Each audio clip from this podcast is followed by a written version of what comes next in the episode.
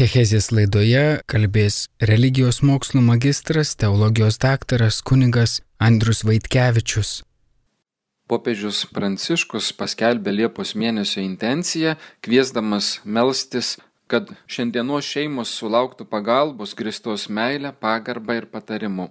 Šį apmąstymą pagal popiežiaus Pranciškaus intenciją Liepos mėnesį norėčiau pradėti nuo visiems mums puikiai žinomos motinos Teresės minties, kuri kaip atskira tema yra pateikiama ir dešimtos klasės mokinių vadovėliuose. Jis skamba šitaip. Pasaulio karas ir taika prasideda šeimoje.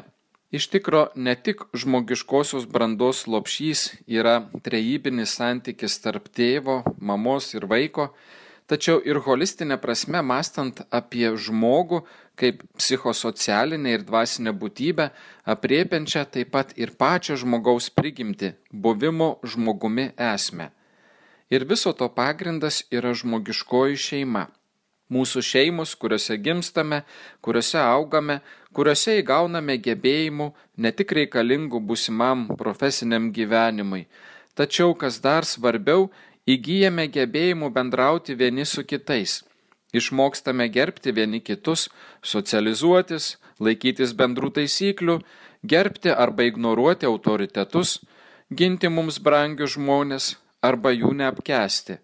Visko išmokstame šeimoje ir remintis to šeiminio santykio pagrindu, jau toliau keliaudami per savo asmeninio gyvenimo patirtį, savo pasirinkimais ir sprendimais, turtiname arba skurdiname savo santykius su kitais, su šeimos nariais, o taipogi ir su savimi pačiais. Šiandien įprasta sakyti, jog šeima kaip institutas, kaip institucija išgyvena krizę. Ir galime netgi mes krikščionis pasijusti įsibauginę, kada keliame savo klausimą Ar tikrai jau čia pas mus vakarų civilizacija paremtame pasaulyje išgyvename šeimos santykio ir šeimos kaip institucijos, instituto tiek civilinė, tiek religinė prasme saulėlydį? Ir kada mažėja norinčių įsipareigoti, prisimti santokinius pažadus skaičius, gal iš tikro matydami tokią situaciją galime kalbėti apie šeimos tokios, kokia mums buvo įprasta ir tokios, kokią buvome įpratę kurti saulėlydį. Gal tik tai, tai yra savotiška pabaigos pradžia. Nors kaip yra sakęs vienas iš mano profesorių studijuojant popiežiškajame Laterano universitete Romoje, kol egzistuoja nors viena šeima, tol egzistuos ir mūsųse įprastai vadinamas tradicinis šeimos modelis nors dažniausiai man sunku suvokti, kągi turi mintyje šių laikų apologetai, kada vartoja tradicinės šeimos modelio savoką.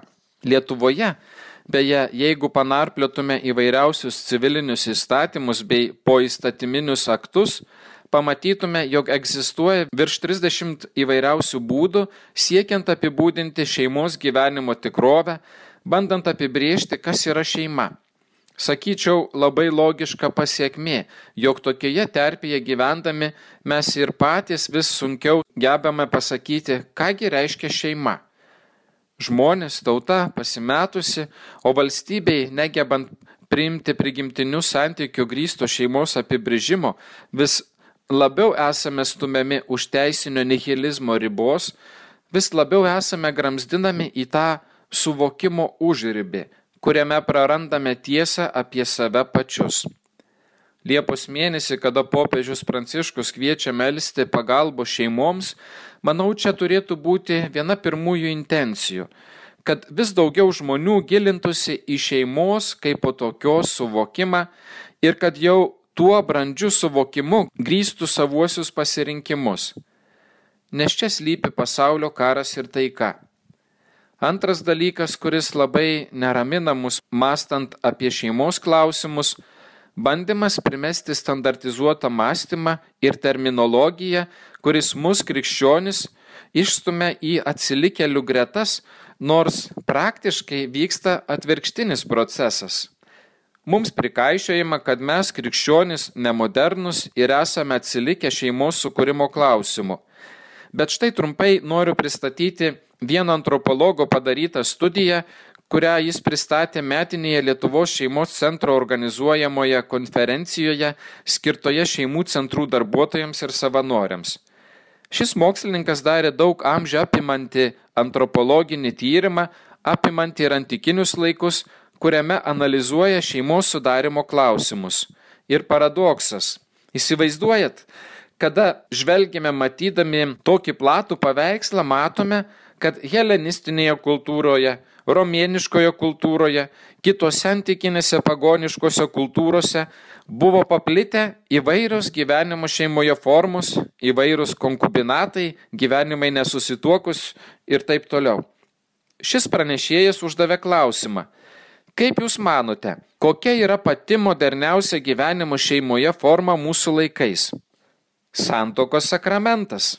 Moderniausia gyvenimo šeimoje forma yra santokos sakramentas.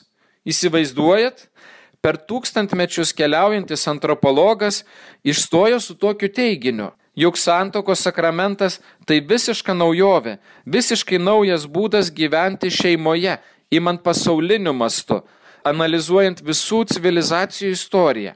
Nei vienas kitas konkubinato ar bandymo gyventi šeimoje, arba labiau norėtųsi išreiškinį tiksliau įvardinti, tarsi šeimoje būdas negali pasiūlyti tokių nuoširdžių, meilė ir pasitikėjimų gristų, nuolat save vienas kitam dovanojančių santykių. Ši naujovė pralenkia bet kokį materialinį ar seksualinį su libido susijusi pragmatizmą. Ir kokioje vietoje atsiduria tie, kurie kovoja už kitokias gyvenimo šeimoje formas, kada suvokiame, kad šis bandymas prisidengiant įvairiausiamis lygiomis galimybėmis ir visų teisėmis daryti, ką nori ir kaip nori, yra ne kas kita, kaip tik nevykęs bandymas grįžti į gerokai primityvesnės kultūras, į gerokai skurdesnės gyvenimo šeimoje formas. Argi tai nėra bandymas regresuoti, eiti atgal? Žinoma, dažnai bažnyčiai prikaišėjama, jog ji yra patriarchalinio gyvenimo šeimoje modelio atstovė. Ir šia prasme gyvenimas santokos sakramente pristatomas kaip būtent tokio patriarchalinio modelio reliktas. Tačiau jeigu tai būtų apie tai, kaip bažnyčia suvokia santokos sakramentą, turėčiau sutikti su tokia kritikų nuomonė. Juk dažnai patriarchalinis šeimos modelis buvo grindžiamas tėvo kaip valdovo, įsakinėjančio, tirono, nešvelnaus, nesirūpinančio vaikų auklėjimu, nekreipiančio dėmesio į santykius, na tokia net savotiška vergovė. Tėvas tik skiria dėmesio materialiniai šeimos geroviai, o daugiau jau motinos darbas - laikyti visą namų ruošos ir auklėjimo naštą. Dėmesio Bažnyčia niekada nebuvo ir nebus už tokio gyvenimo šeimoje modelio palaikymą.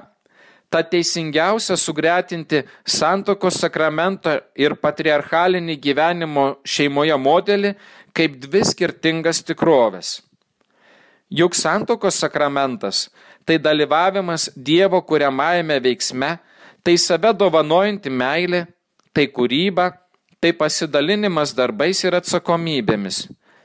Tai besvarstant tikrai gali pasirodyti, jog šita šeiminio santykio permastymo krizė, būdinga ypač vakarų civilizacijos valstybėms, galbūt netgi paties Dievo norėta, kad žmogus, kad visa žmonija pagaliau neregresuotų prie antikinių ir netobulų bandymų kurti šeimas pagristas prokreaciniais, materialiais ar kitais aspektais bet kad pagaliau atrastume tai, ko visi trokštame - gyvenimo meilėje, save dovanojant kitam, gilinantis vienam į kitą, priimant kitą kaip Dievo dovaną.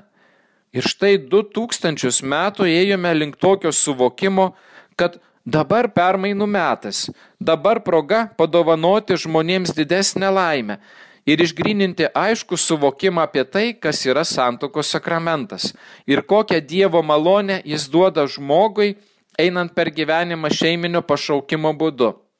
Tad antrasis dalykas, kurį norisi kviesti apmastyti, ar tikrai nepasiduodu toms mintims, kurios mane skatina regresuoti ir degraduoti gyvenimo šeimoje klausimu, santokos sakramento klausimu. Mes kaip krikščionis labai aiškiai turime suvokti savo misiją - nešti šią gerąją naujieną apie santokos sakramentą ir dar vieną naujieną - būti moderniais dėl to, kad mes trokštame, kad mūsų šeimos vadovautųsi pačiu moderniausiu gyvenimo šeimoje būdu - santokos sakramentu. O to labiau, kad tai yra mūsų kasdienybę liečiantis klausimas. Ir kaip sako šventasis tėvas popiežius Pranciškus savo posinodinėme apaštališkajame paraginime Amoris Leticija, kalbėdamas apie meilę šeimoje, tarp krikščionių neturėtų būti jokių kitų gyvenimo šeimoje formų, kaip tik sakramentinė santoka nes krikščionis yra paženklintas Kristaus artumo ženklu per Krikšto sakramentą ir būtent dėl šios meilės Dievui jis neturėtų ieškoti kitokių formų, atitolinančių jį nuo Kristaus nuo trejybės. Jei nėra darnios šeimos, kyla problemos. Nedarnioje šeimoje augdami neišmokstame kasdieniam gyvenimui tai būtinų meilės ir atlaidumo, įsiklausimo principų, kurie galėtų ir turi tarnauti kaip pagrindiniai įrankiai, norint išmokti vis labiau save dovanoti sutoktiniui ir kitiems šeimos nariams. Ką darome, kada susipykstame? Įsivaizduokime paprastą kasdienišką situaciją. Jeigu kas nors mus užgauna ir pasako mums grubių užgaunančių žodžių, kokia dažniausiai mūsų reakcija? Tokie patys grubus ir užgaunantys žodžiai. Ir čia prisimename Senojo testamento taisyklę - akis už akį ir dantis už dantį. Kad ir kaip keista, tačiau vis dar mums krikščionims sunkiai sekasi nugalėti šį Senojo testamento principą - sieki atsilyginti tuo pačiu. O juk biblinėje istorijoje šis principas padaryti tolygę skriaudą kitam, analogiškai pagal savoją patirtą skriaudą, buvo neįsivaizduojamai didelis progresas nes visos antikinio pasaulio aplinkinės tautos gyveno pagal keršto įstatymą. Jeigu patyrei skriaudą, turi teisę netgi nužudyti tą, kuris su tavimi negerai pasielgė. Kerštas. Ir čia, tokiame kultūrinėme kontekste, neįsivaizduojamai moderni naujovė - Dievo padiktuota savai tautai. Gali atsilyginti tik tiek pat, kiek pats skriaudos patyriai. Akis už akį ir dantis už dantį. Ir dar sekanti pakopa. Naujajame testamente visiškas modernumas ir negirdėta naujovė. Kristus, kuris sakė, jeigu tau kas nors sudavė per dešinį įskruostą, atsuk jam ir kairįjį. Jeigu kas nors tave verčia nueiti su juo mylę, nueik su juo dvi.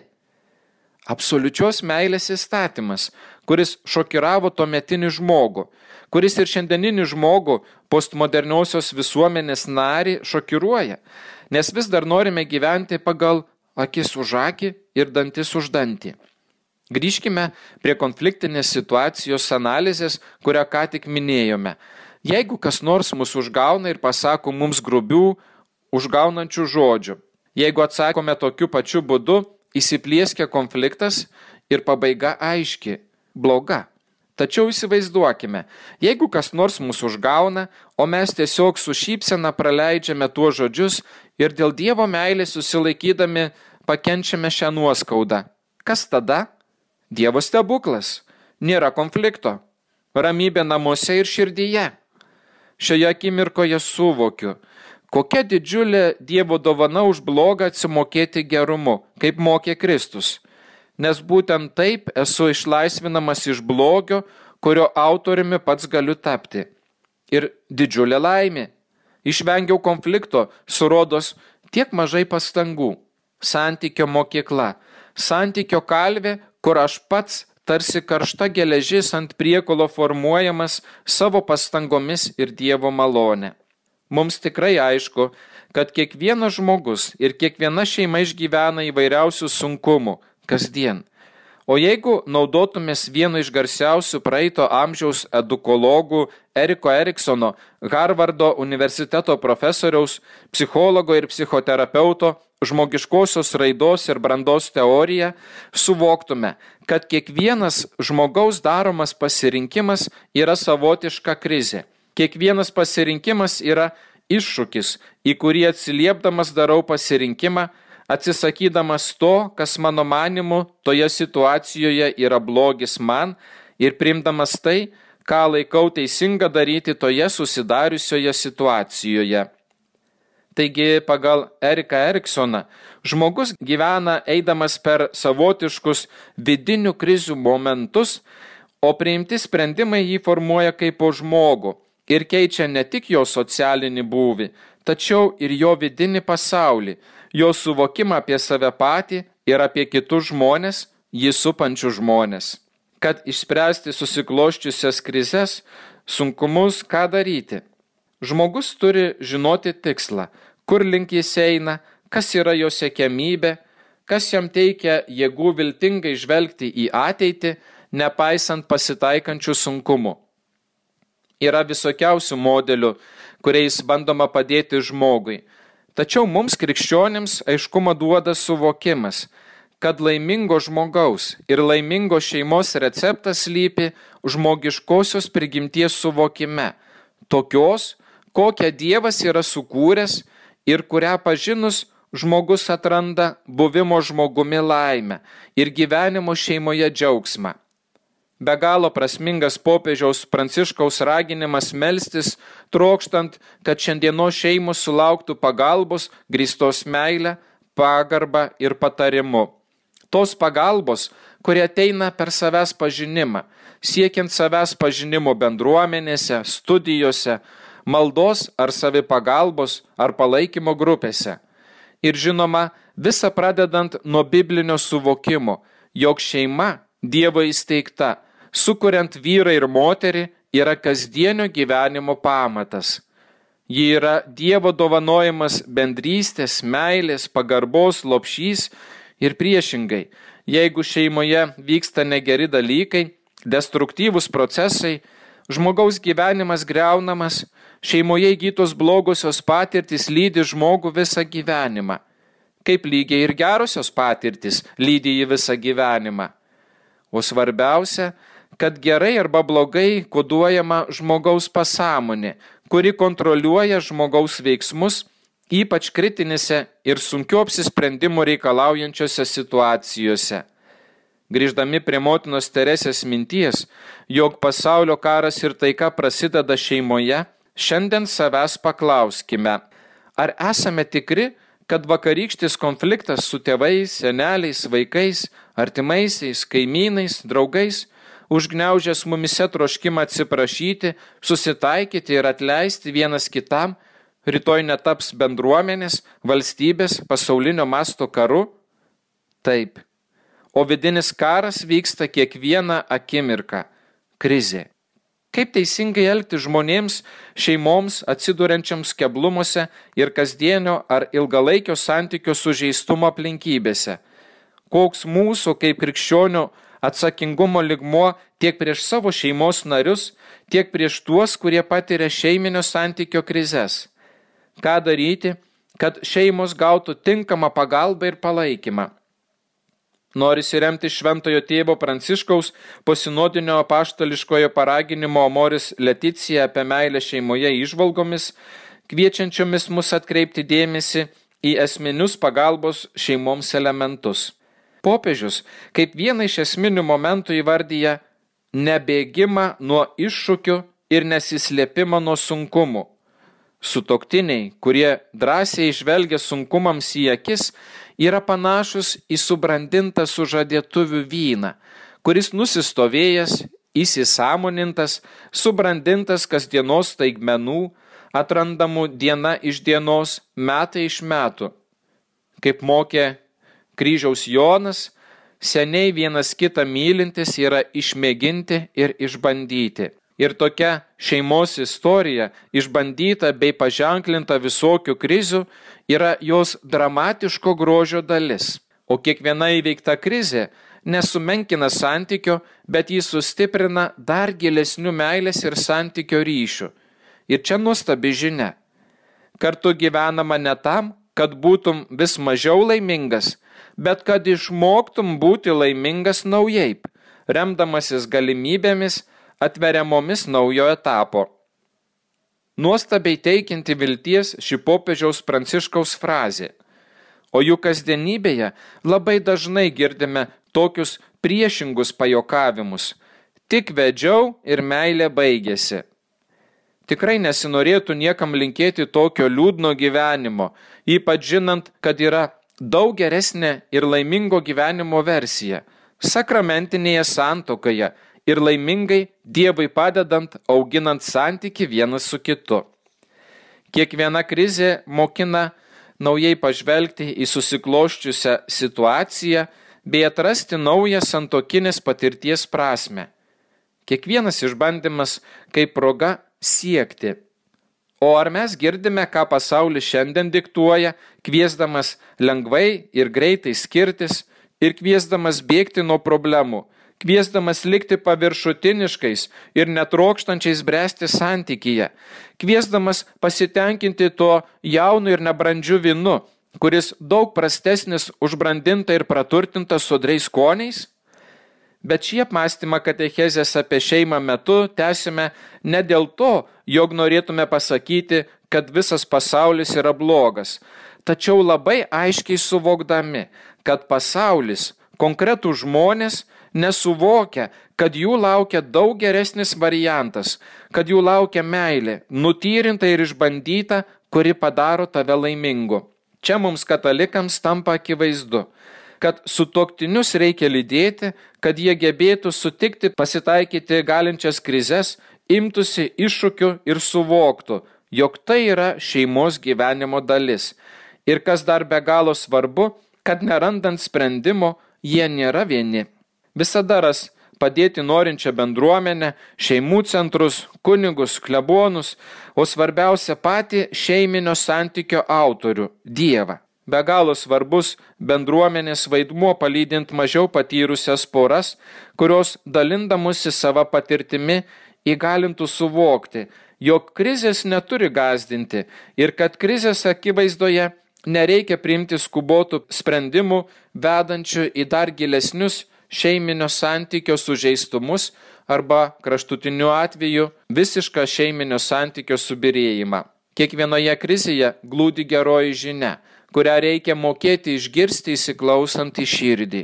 O jeigu šiandienis pasaulis mums bruktų mintį eiti lengviausiu keliu, bėgant nuo krizės, nuo sunkaus sprendimo, jeigu koks žmogus ar institucijos ar valstybės mėgintų ar mėgina įrodyti, kad šventojo rašto eilutės užrašytos pradžios knygoje Dievas sukūrė žmogų pagal savo paveikslą, pagal savo paveikslą sukūrė jį, kaip vyrai ir moteris sukūrė juos. Ir todėl vyras paliks savo tėvą bei motiną ir susijungs su savo žmona ir juodu taps vienu kūnu, yra kažkino pramanas, o netiesa, o ne tavo prigimtinės teisės, tavo prigimtinės laisvės garantas, netikėk juo ar jais. Jie yra tavo laimės priešai, tavo laimės, kurią Dievas dovanoja ir į kurią Dievas tave kviečia. Žinoma, ištikus sunkumams mūsų pirmoji reakcija - galvoti, kad ji neišsprendžiama, kad geriausia bėgti, bet taip tik dar labiau apsunkiname situaciją ir nesprendžiama krizė dar labiau pagilėja, paštrėja, sutrikdo. Tad be galo svarbu netidėlioti sprendimų, ieškoti išeities, ieškoti, jeigu reikia, pagalbos ir tikinčių žmonių patarimų, kad neišeikvotume energijos ir jėgų nenaudingai. Jeigu nesprendžiame situacijos, mūsų ryšiai silpnėja, širdis tolsta viena nuo kitos, stiprėja atskirtis, nukenčia bendravimas, pamažu tas, kuris buvo mylimas asmuo, virsta tuo, kuris mane gyvenime visada lydi, paskui mano vaikų tėvu ar motina ir galiausiai svetimu žmogumi. Atsiminkime, kad krizės visada reikia imtis drauge. Tai sunku, nes kartais žmonės užsisklendžia, nenorėdami parodyti, ką jaučia, pasitraukia į nekingą ir apgaulingą tylą. Tokiomis akimirkomis pravartu sukurti bendravimo iš širdies į širdį erdvę o didžiausias iššūkis - pradėti spręsti krizes, jeigu to niekada nesame darę. Tačiau prisiminkime taisyklę, kad geriausi dalykai arba desertas visada laukia pietų ar vakarienės pabaigoje, o ne pradžioje. Taip ir santykiuose. Iššūkių nugalėjimas duoda vidinės ramybės ir pasitenkinimą. Krizės sprendimas, kaip moko popiežius Pranciškus, tarsi gimdymo momentas, skausmingas, tačiau atnešantis po jo sekantį džiaugsmą ir paliekantis naują lobį. Kada matome, jog šeimos išgyvena krizes, rūpeščio mums kelia tai, jog jos neieško pagalbos pastoraciniuose projektuose, nes jų nelaiko rūpestingais, artimais, realistiškais, konkrečiais. Nors praktinė patirtis, kada suteikiama pagalba, liudyja priešingai. Artėjimas prie dievų ir įsileimas į bendruomeninę pastoracinę veiklą padeda saugoti santokinę meilę ir aukti meilėje vienas kitam, bei matyti, jog visoms šeimoms būdingos panašios patirtys ir krizės - įvairiausios. Suderinti skirtingus požiūrius, atitolti nuo tėvų, vaiko gimimas, emociniai iššūkiai, įpročių keitimas, vaiko paauglystės krizės, tuščio lizdo sindromas, asmeninės ir ekonominės krizės, socialiniai, dvasiniai sunkumai, senatvės patirtis, sveikatos sutrikimai ir dar didelė daugybė situacijų, kurios tiek atskirus asmenis, tiek pačią porą vaikus gali pastumėti baimės keliu - kalties, depresijos, nuovargio ar net skirybų keliu, padarant didžiulę žalą santokiniai sąjungai ir palankę terpę asmeniniam sužeistumui skleistis.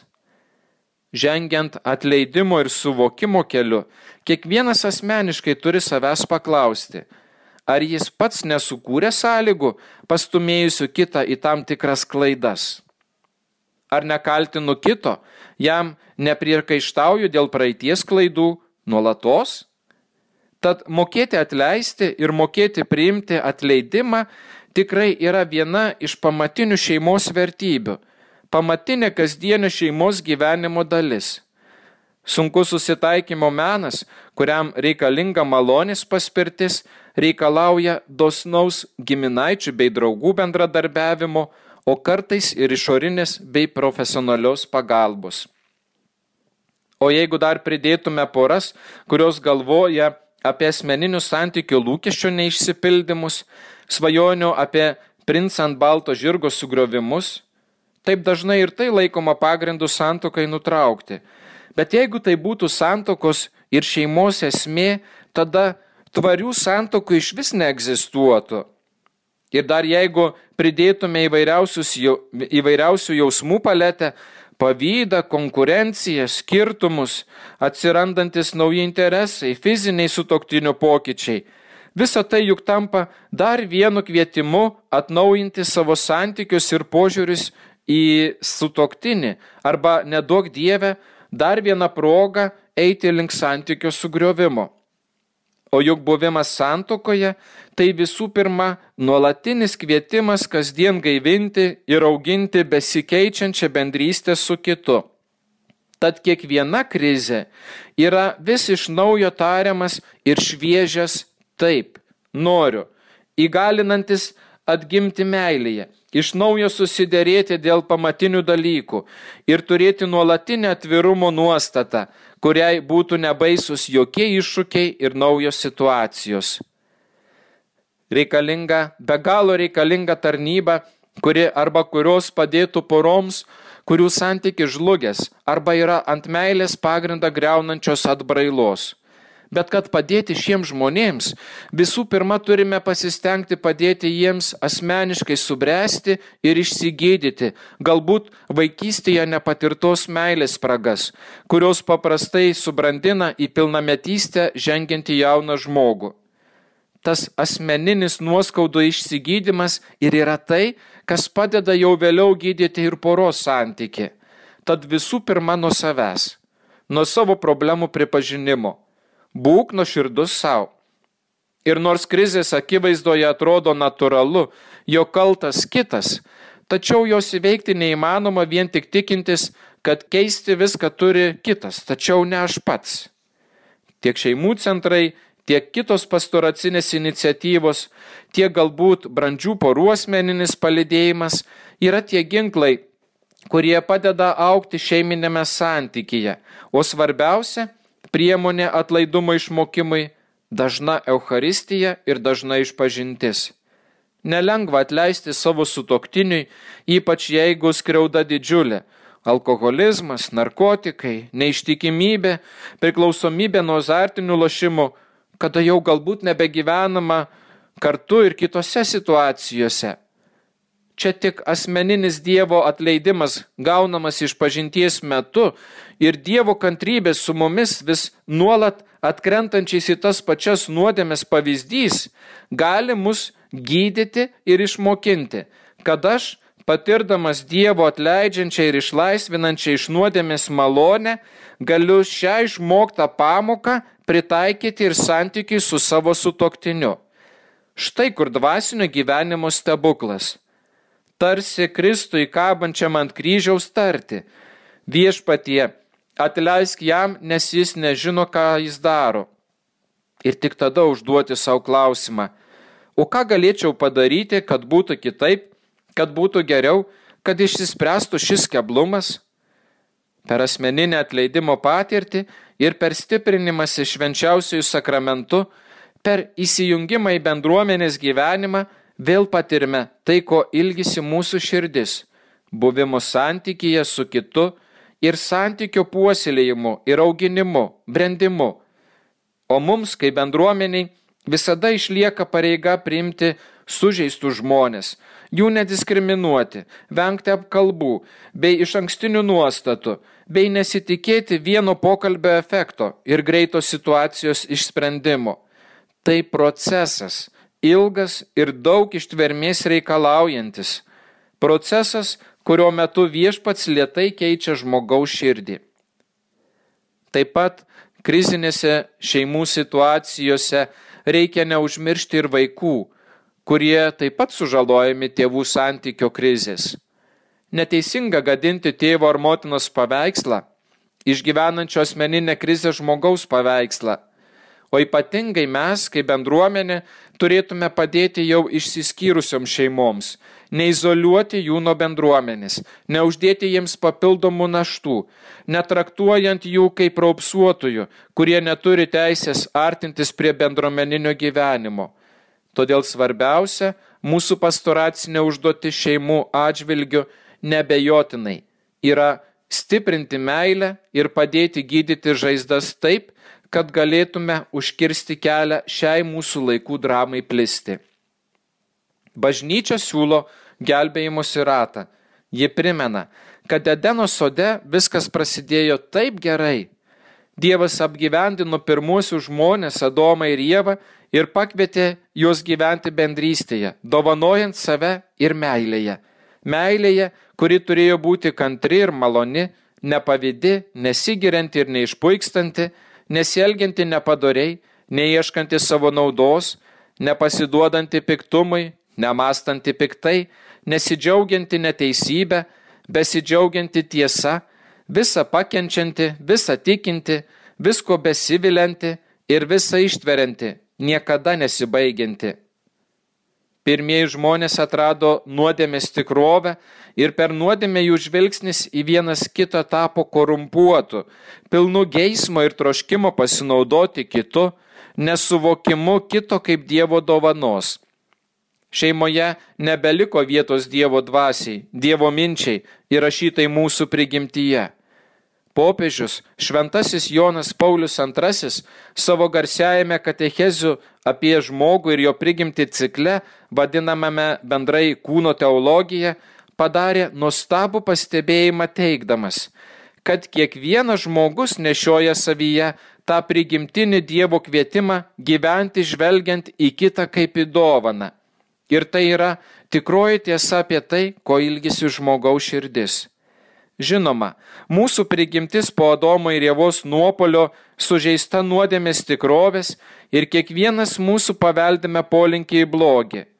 Tad štai, kodėl mums reikalinga dažnai išpažintis ir Euharistija, nes tai yra vienintelis būdas atstatyti žmogiškumo spindesi savyje, žmogiškumo, tikro ir nekorumpuoto, būtent tokio, kokio Dievas ir tikisi iš mūsų, tokio, kokius mus Dievas sukūrė, pagal savo paveikslą ir panašumą.